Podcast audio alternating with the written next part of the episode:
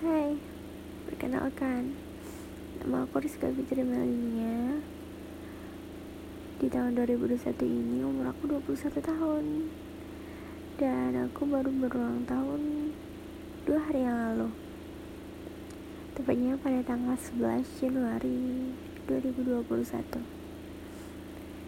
Hmm, menurut kalian apa sih arti dari ulang tahun? Apa sih arti dari bertambahnya umur? Apakah kalian akan merayakannya atau seperti aku? Aku tidak merayakan tetapi dirayakan, tetapi ingin merayakan. Aduh, gimana tuh? Hmm,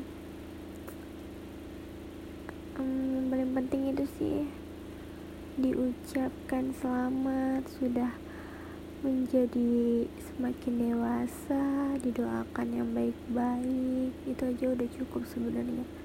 Tapi karena dari kecil itu udah dibiasakan setiap ulang tahun pasti dirayakan. Jadi udah sampai gede gini mikirnya aduh kuenya mana? Kadonya mana? Gitu cuman karena udah 21 tahun ini aku ngerasa itu gak penting. Aku berusaha itu gak penting banget buat di adain dalam setiap dalam setiap